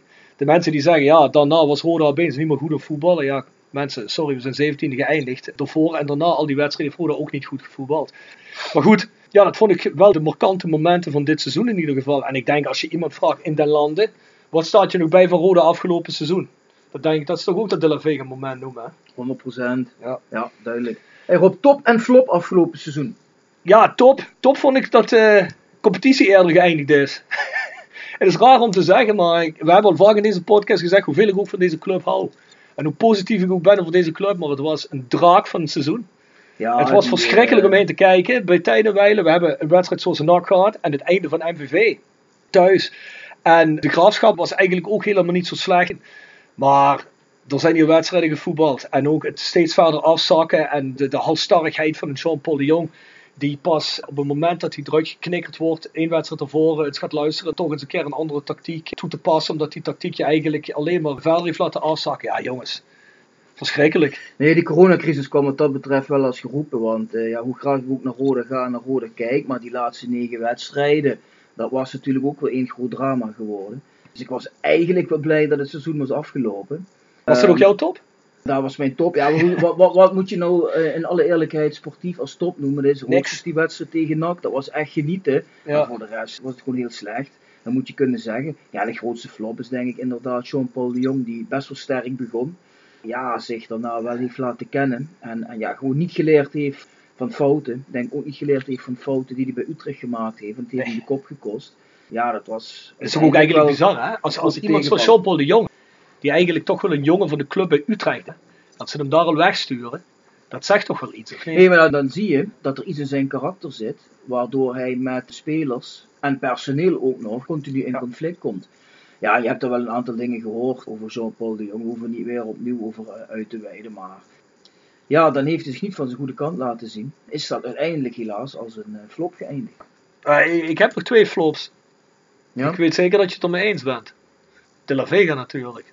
ja natuurlijk, ja, dat is ook een flop. eh. Ik weet dat wij er aan het begin van het seizoen nog heel even positiever voor waren. Omdat we dachten, ja, hij heeft op zich wel goede ideeën. Maar dat draaide toch ook al heel snel bij ons toen we erachter begonnen te komen dat het luchtkastelen waren. Nee, goed, ik heb toen ook al eh, helemaal, eh, wanneer is dat geweest Rob, dat we die actueel gedaan hebben over de La Vega. Kijk, toen, toen was ook geloof ik Ruud Hendricks van de platform Ja. erbij. Hebben ook heel eerlijk gezegd van luister, wij dachten ook helemaal in het begin dat het een goede keuze was. Maar ja, Mhm. na een paar maanden kwam je erachter dat, eh, ja, dat rekeningen niet betaald werden en wel familie op kosten van de club hier naartoe werd gehaald en in een hotel werd gezet. Ja, en dan begin je te voelen van hier klopt iets niet. Ja, uiteraard. Ja, dat had inderdaad aan de voorkant beter gecontroleerd moeten worden. Maar goed, het is gebeurd. Ja, we zijn er nog denk ik net op tijd vanaf kunnen komen. Net op tijd. En wie was die tweede flop van je? Mijn derde flop. Ik had ook Jean-Paul de Jong. Had ik ook staan. Ik had drie flops had ik. Ja, en eigenlijk de flop dat Roda als club eh, zich zo vervreemd heeft van de fans afgelopen seizoen. Want Ja. die vervreemdingen, die heeft nog meer plaatsgevonden. Dat waren natuurlijk ook de eerste twee flops die we genoemd hebben. Ook Debed aan. Toen Jean-Paul de Jong en eh, De La Vega hebben er niet aan meegeholpen. En ik denk ook, en dat weet ik ook wel zeker, dat dat nu gedraaid wordt. Ik bedoel, dat merk je als je praat zelfs van mensen die uh, van buitenaf van de club komen, zoals Streppel en een Van As, die veel meer wil proberen van alles erbij te betrekken. Mensen het verleden, de fans, ja, alles wat ze eigenlijk ter beschikking hebben aan arsenaal, proberen er iets mee te doen. En ook tot nu toe, de mensen van de Phoenix groep, lijkt dat dat ook een uh, goede insteek heeft. Dus ja... Um... En wat ik goed vind, is uh, hoe Rode zich nu presenteert op social media. Je ziet nu de afgelopen dagen, weet je wel, dan komt er een speler, dan komt een leuk filmpje. Dan komt er een filmpje met uh, stel vragen voor die speler. Dan gaat hij ze beantwoorden. En uh, seizoenskaarten en, en, en die actie met die auto's die zaterdag voor de seizoenskaart. Het zijn allemaal dingetjes, allemaal kleine dingetjes. Ja. Maar ja, waardoor de fans iedere dag wel weer met rode worden geconfronteerd. En wat allemaal kleine En vooral op een positieve manier, ja Kleine precies. positieve impulsen zijn. Ja. en, en daar heb je er gewoon meer van nodig. En dan komt het gevoel wel weer. Ja. en dat vind ik gewoon, ja, dat spreekt mij aan. Helemaal mee eens. Met deze ook respect naar Jamie Mullenders en Mark Maas, die uh, vooral daarmee bezig zijn. En, en iedereen anders die dat ook werkt. die de filmpjes Ja, Prima. dus de mensen die daar zitten op marketing, promotie of hoe je de afdeling ook mag noemen. Ja, super. Goed bezig. Wat vond je de beste speler van het afgelopen seizoen en wat vond je de grootste tegenvaller, Bjorn? Nou, als je mij vraagt wie vind je de beste spelers voor Rode IC, dan kijk ik niet zozeer naar of ze dat afgelopen seizoen ook hebben laten zien. Maar, maar eerst even of ze het hebben laten zien. En dan mag je daarna dat zeggen wat je nu wil zeggen. Nou, ik vind de beste spelers, vind ik nog altijd Jordi Kroeks en uh, Roland Alberg. Die het ook hebben laten zien? Bedoel. Nou, die hebben het een aantal wedstrijden laten zien, maar ja. veel te weinig. Maar ik vind Jordi Kroeks qua rendement minder dan die kan. Mm. Maar zeker in het begin van het seizoen vond ik hem continu dreigend. Acties, schieten, voorzetten. Hè, en, en dat het op een gegeven moment mislukt. En dat hij omlaag werd getrokken door het niveau van de club in zijn algeheel. Ja, dat kon je wel zien. Maar ik denk dat Jordi Kroeks voor iedere keukenkampioenclub, ook de, de clubs die om promotie spelen, gewoon een goede aanwinst is. En dat denk ik ook voor Roland Alberg. Die heeft een aantal doelpunten gemaakt waaraan je kunt zien dat hij een bepaalde klasse heeft. Hoe die rustig een bal afwerkt, hoe die vrije trappen en strafschoppen neemt. Daar zie je van, die jongen heeft een hoger niveau gevoetbald. En die is natuurlijk ook minder gaan spelen. Maar ja, dat snap ik ook wel, want Alberg en Kroek zijn natuurlijk pure uh, stylisten of jongens die van aanvallen moeten hebben. Maar als je bij Rode speelt, je moet alleen maar achter je bek aanrennen. Ja, dan komen die jongens natuurlijk niet uit de verf. Dus ik nee. hoop dat komend seizoen, als we een, een sterker middenveld hebben en hopelijk een sterker centraal verdedigingsduo, dan hoop ik dat die jongens zich meer kunnen bezighouden met waar ze goed in zijn. En dan denk ik dat hun kwaliteiten beter naar buiten gaan komen. Ja, ik heb ook de namen Alberg en opstaan. Het is precies wat je zegt. Ik heb er heel lang over nagedacht. Ik heb ook achter elke speler een vraagteken staan. Waarom? Nou ja, goed, er heeft niemand eigenlijk het hele seizoen constant goed gespeeld. Of op een niveau gespeeld. Je zegt, ja, dat was de beste Roda-speler. We hebben ook een paar goede wedstrijden gezien van de Vakovic als hij speelde. Dat kwam helaas niet al te vaak voor. Ja, Ike Ubo natuurlijk. Niet zozeer omdat je zegt van ja, speltechnisch is hij ook. Moet je eens kijken wat uh, hij doet dit en hij doet dat allemaal tijdens de wedstrijd. Maar de jongen stond heel vaak gewoon op de goede plek en dat wil je van het spits. Ja. Ja, daarom heb ik ook Oepo erbij staan. Gelukkig zijn Alberg en Kroeks ons behouden gebleven en ook Novakovic. Ike is uh, natuurlijk terug naar Chelsea. En wat daarmee uh, gaat gebeuren voor Ike weten we niet. Ik heb nog niks gelezen. Volg hem op Instagram en kijk waar hij mee bezig is en of hij misschien een nieuwe club heeft. Maar volgens mij is hij gewoon zijn conditie bij aan het houden op het moment. En ik weet niet of hij bij Chelsea blijft of er nu verhuurd wordt of misschien verkocht wordt. Ik weet het niet. Ik weet ook niet of het iets is wat in de toekomst iets voor Roda is, dat weet ik niet. Ike heeft zelf ook gezegd in die podcast bij ons, uh, er zijn een aantal dingen aan hemzelf van zijn spel, bijvoorbeeld zijn kop, uh, dat veel beter kan. Dat hebben we ook afgelopen seizoen gezien. Hij mist een paar dotte met zijn hoofd. Waar je eigenlijk zegt, ja, die krijg ik er misschien nog in. Dus, maar ja, geen idee. Dat gevoel had ik ook een beetje bij die spelers. Maar inderdaad, heb je al niemand die eigenlijk constant de hele wedstrijden, waarvan je zegt, nee. ja, die haalt constant een goed niveau. Is ook moeilijk in dat team. En de grootste tegenvaller? Ja, Tom Muiters. Tom Muiters? Tom Muiters. En ja, dan moet ik toch zeggen, geen tegenvaller, maar wel iemand waarvan ik eigenlijk meer had verwacht. Ter werker. Ja, Daryl Werker, aanvoerder. Ja, jongen die het een paar jaar geleden in de Eredivisie op zich best wel redelijk deed. Dus je zou denken dat hij op dit niveau een absolute sterkhouder zou moeten zijn. Maar ja. inderdaad is er niet uitgekomen. Nee. nee. En als ik daar nog aan mag toevoegen, tegenvaller. Nou, niet zozeer tegenvaller speltechnisch. Want ik vind die jongen kwalitatief echt wel goed. Als hij fit is. Dat is Richard Jensen. Maar die jongen is nooit fit. Je zag in die wedstrijden dat hij fit was en meedeed trok hij meteen het niveau van de verdediging en van Daryl Werker omhoog. Ja, precies. Maar ja, je hebt niet zoveel aan een voetballer die maar vijf wedstrijden per jaar kan meedoen natuurlijk. Dus dat is natuurlijk wel een, een punt van zorg. Ik denk dat normaal gesproken Richard Jensen, dat, dat Rode daar wel het contract van zou willen verlengen.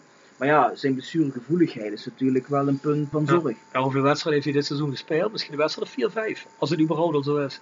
Ik denk ook rond de 5, 6 wedstrijden. Ja. Maar dat is inderdaad wat je zegt. Ja. Daryl trekt zich heel erg op aan, uh, of tenminste het lijkt zo alsof hij zich heel erg optrekt aan Jensen naast hem. Ja, dat wil ik toch nog even toelichten, Daryl Werker. is precies wat jij zegt. Ik had ook gedacht van, ja, Eredivisie met goede wedstrijden gespeeld kon ook makkelijk, of gemakkelijk, kon gewoon met dat niveau mee. Is ook wel interesse geweest voor Daryl Werker. Dat vertelde hij ons ook in de podcast. Dus er zijn ook andere mensen die dat zien. Ja, dat vond ik eigenlijk een beetje teleurstellend. Want ik had eigenlijk wel verwacht dat Daryl de verdediging op sleeptouw zou nemen. Dat hij nou degene zou zijn waar anderen zich aan optrokken. En ja, zeker als hij aanvoerder is. En dat, dat is eigenlijk niet gebeurd. Maar ik dicht dat eigenlijk ook toe aan de reden waarom Roland Alberg en Jordi Kroeks ook niet constant een niveau hebben gehaald. De algehele malaise van een team. Op een gegeven moment gaat het toch in je hoofd zitten. Het gaat tussen de oren zitten. Ja, en dat zijn jongens als Kroeks en, en Alberg misschien toch nog een beetje, ja, hoe zeg je dat? Geroutineerder, misschien slimmer dan een Daryl Werker. Weet er misschien net iets beter mee om te gaan. Het is toch vaker een niveau halen. Wat zou je doen met zo'n Werker? Als hij iemand naast zich uh, nodig heeft. Ik bedoel, ik zou Daryl graag behouden zien voor de club omdat de jongen zijn eigen jeugd. Maar ik denk ook dat hij echt potentieel heeft. Alleen, ik heb het gevoel dat Daryl meer moet durven. En dat meer, ja, weet ik niet. Dat komt altijd bij mij zo over dat hij toch altijd een klein beetje te. Ja, misschien toch te timide is, misschien. Want dat is een topgozer. We hebben een paar keer met hem samengezeten voor het een en ander. Het is altijd even goed. Lijkt me ook een goede aanvoerder. Ik blijf lobbyen voor Arjen Swinkels uh, voor nog twee seizoenen bij Roda als uh, sterkhouder achterin. Maar ik denk niet dat het gaat gebeuren. Ja, jammer hè. Toch karakterjongen. Ja.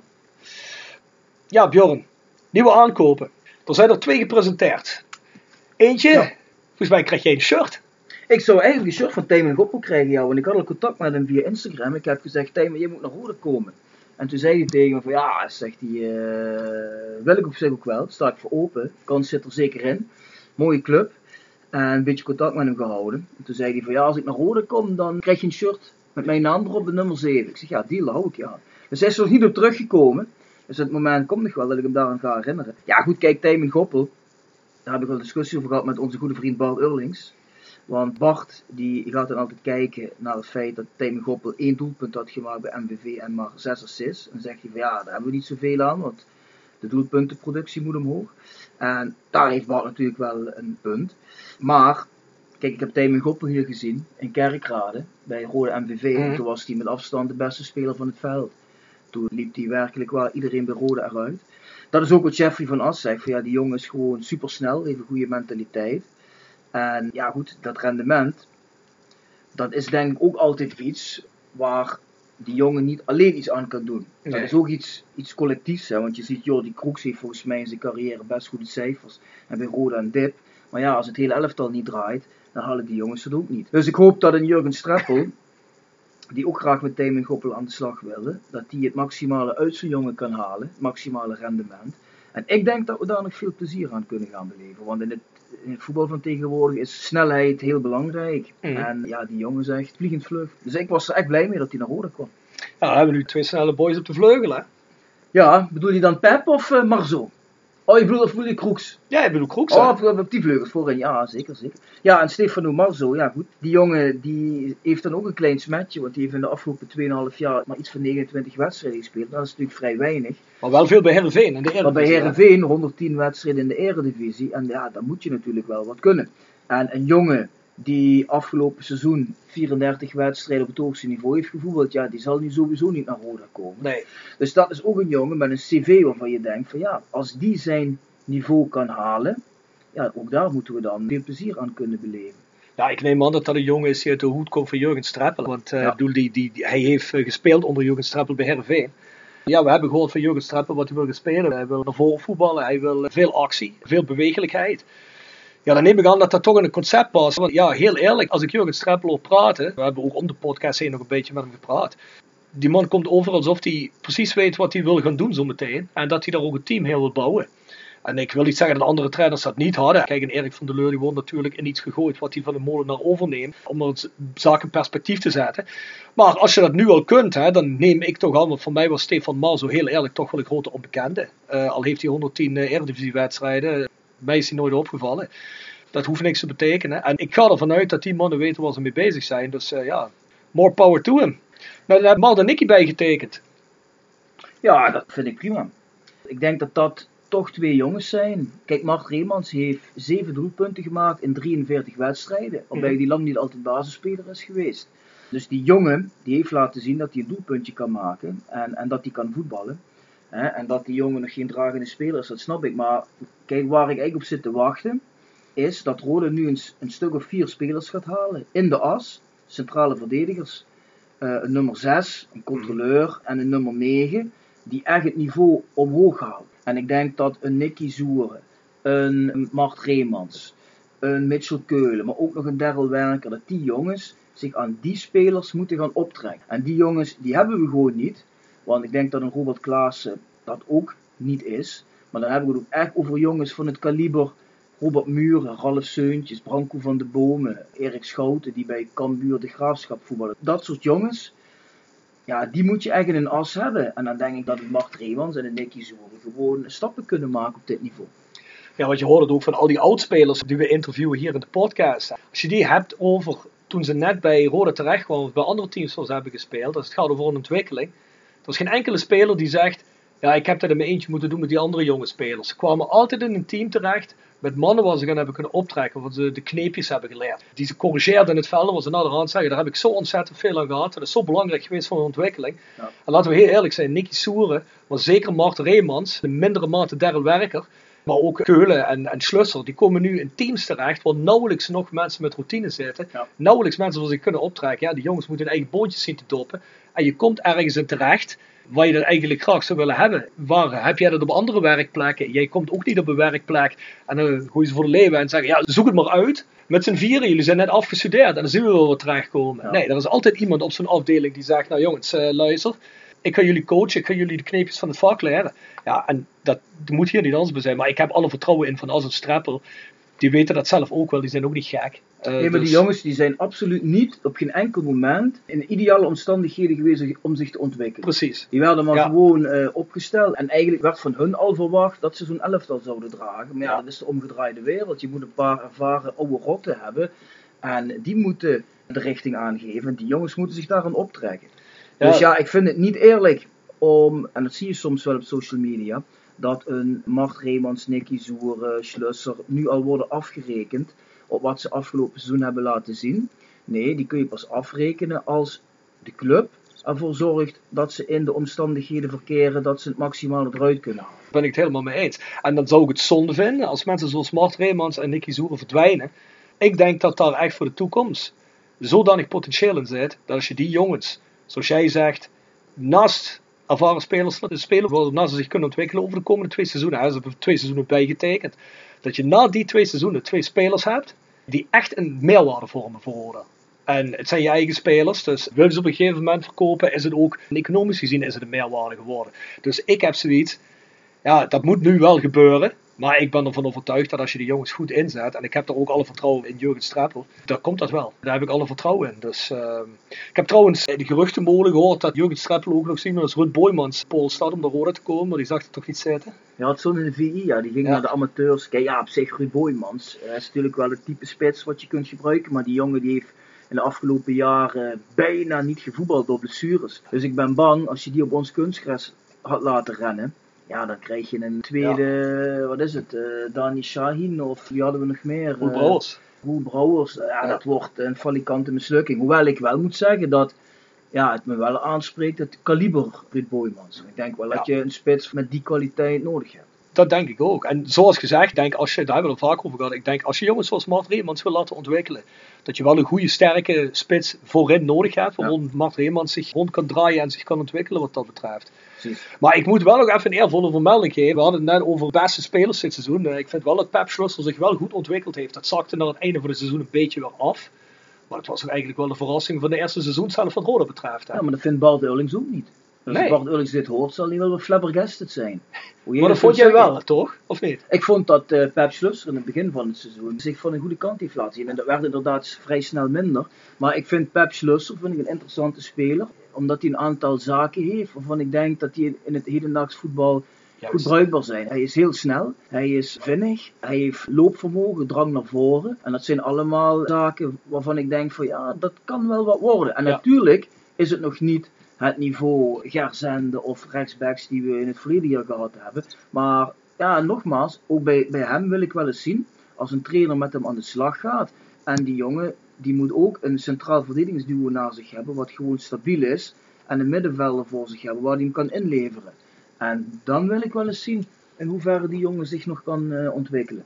Ja, Dus ik vind het gewoon een, ja, best een interessant. ben ik het volledig mee eens. Ik vind hem het prototype moderne back.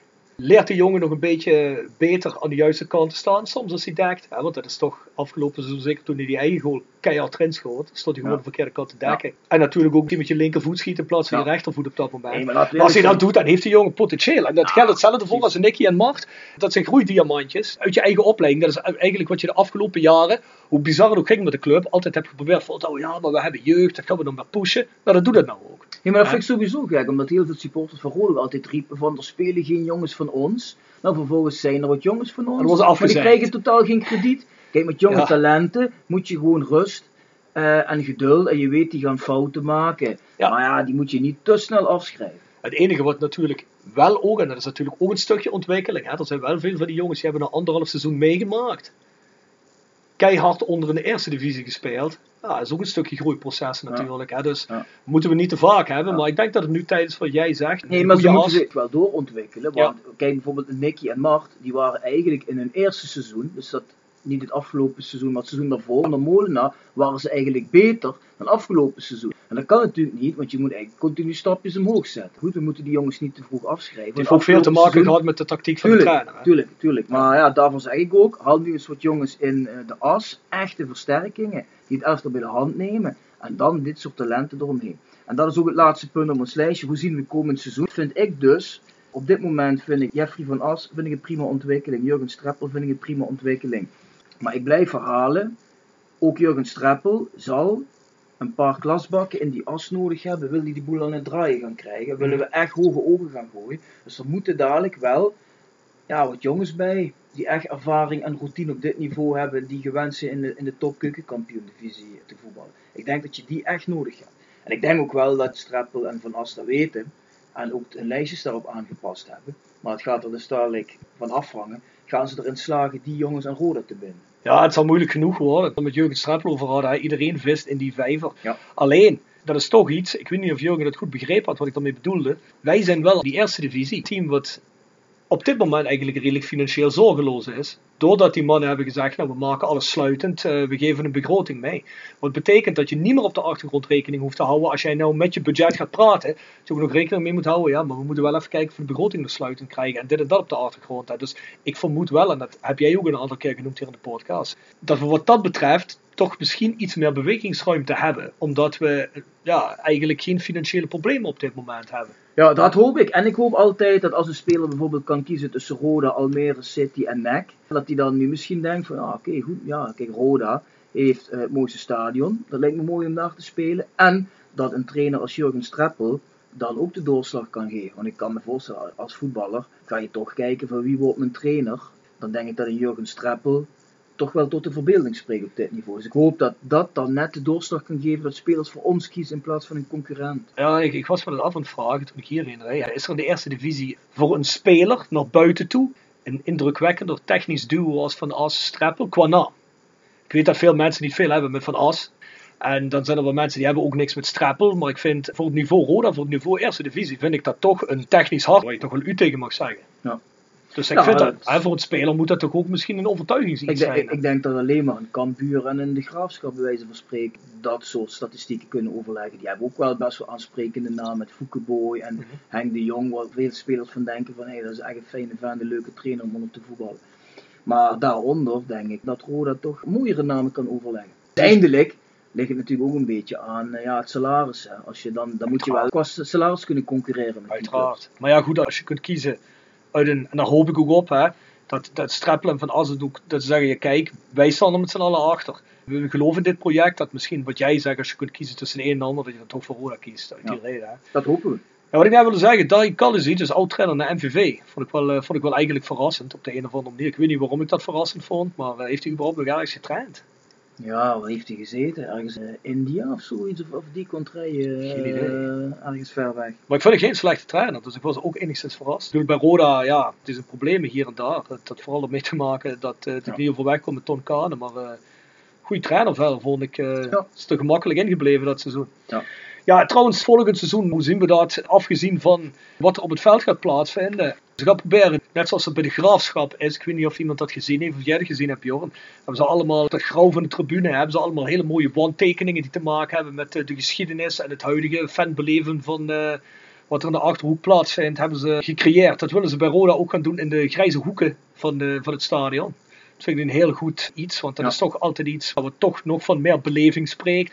Dus ik hoop dat dat project heel snel van de grond gaat komen. Dat we daar als fans eh, iets moois van kunnen maken en op eh, een mooi niveau. Dus eh, we zijn benieuwd. Verrassend, er komt misschien toch een kleine open dag. Met eh, Ivo van het Fanproject zijn we aan het kijken naar mogelijkheden om toch daar iets in te doen onder de omstandigheden en de limieten die er zijn. Zeker toen we hoorden dat die grens wordt opgeheven, zoals jij net zegt. Eh zijn we toch eens kijken wat daar mogelijk is. Dus dan zijn we nu over een conclave met Roda. Dus dat eh, zal er wellicht nog kunnen komen, ergens in, in augustus misschien. En voor de rest, ja, ik, het enige waar ik nog een beetje op ben het wachten bij Roda voor komend seizoen is eh, algemeen directeur RVC. En wat er op commercieel gebied gaat gebeuren, dat is natuurlijk ook heel belangrijk. Eh, hebben we daar een kijk op wat daar Nee. in de koker zit? Ik denk dat we dat gewoon moeten afwachten. Dat, wat dat betreft lekt er weinig uit. Ik denk dat dat ook goed is. Dus, Ik heb wel begrepen dat er een stuk of 60 sollicitaties waren op de. AD-positie. heb geen enkel idee. Dacht ik ergens gelezen te hebben. Maar goed, ik denk dat dat wel een goede conclusie was voor het afgelopen seizoen. Hè, Willem? Denk het ook, jongen. Laten wij even de sponsoren doen. Nog een laatste keer voor dit seizoen een woord van dank aan Nextdoor, Kapsalon, Nagel en Beauty Salon, Log 44A8 de Kerkrade. zo ook natuurlijk een eh, woord van dank aan Jegers Advocaten. Hart voor weinig, Nog zo is dat. En aan onze goede vriend Ingo Bulles van hotelrestaurant Veilerhof. Marco van Hoogdalem en zijn vrouw. Danny, En van de herberg De Bernardeshoeve. En dan zullen wij in het nieuwe seizoen zeker te vinden zijn bij die twee. zeker weten. GSR Music, www.gsrmusic.com voor het harde muzieksegment. Ja, dan hebben we Rapi Autodemontage aan de Locht 70 te Kerkrade. De internetgroep Limburg slash iPhone Reparatie Limburg aan het Wouderpad 7 in Beek voor al je webdesign. Stokgrond verzet in Simpelveld en voor al je graafwerk. Willeweber Keukens aan de Boebegraaf 1 in Schinveld. Keukendesign voor elke beurs. Van Ooije Glashandel sinds 1937 kwaliteitsglaszetten en reparatie. Dag- en nachtservice hebben die mannen. Quick Consulting, change management door empowerment van je medewerkers. En dan hebben we tenslotte Wiertz personeelsdiensten. Als je op zoek bent naar versterking van je personeel, ga dan naar Wiertz.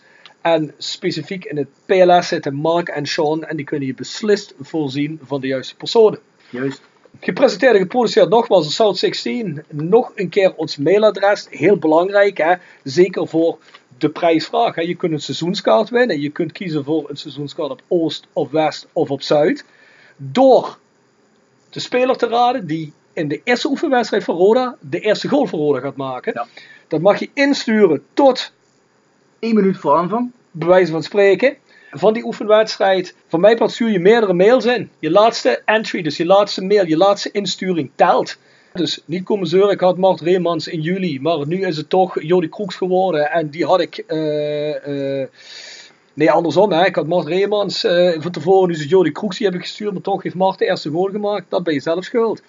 Maar dat kun je ook insturen op de voice of Calais@south16.com. Mensen, wel heel even, stuur niks in op Instagram en Twitter of op Facebook, dan gaat het verloren. Stuur het in naar thevoiceofcalais.south16.com. Dat is ons mailadres. We zullen dan ook, als we deze podcast posten en de prijsvraag nog een keer posten, zullen we dat erbij posten. Dus stuur het daarheen. Alleen die inzendingen worden bekeken. En dan zijn we aan het einde gekomen. En aan het einde van dit seizoen, aflevering 50.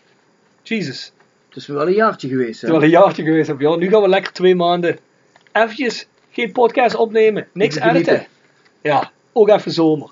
Mensen, wellicht zijn we nog een keer tussendoor met een actueel. Maar tot daar en toe, tot september. Tot september.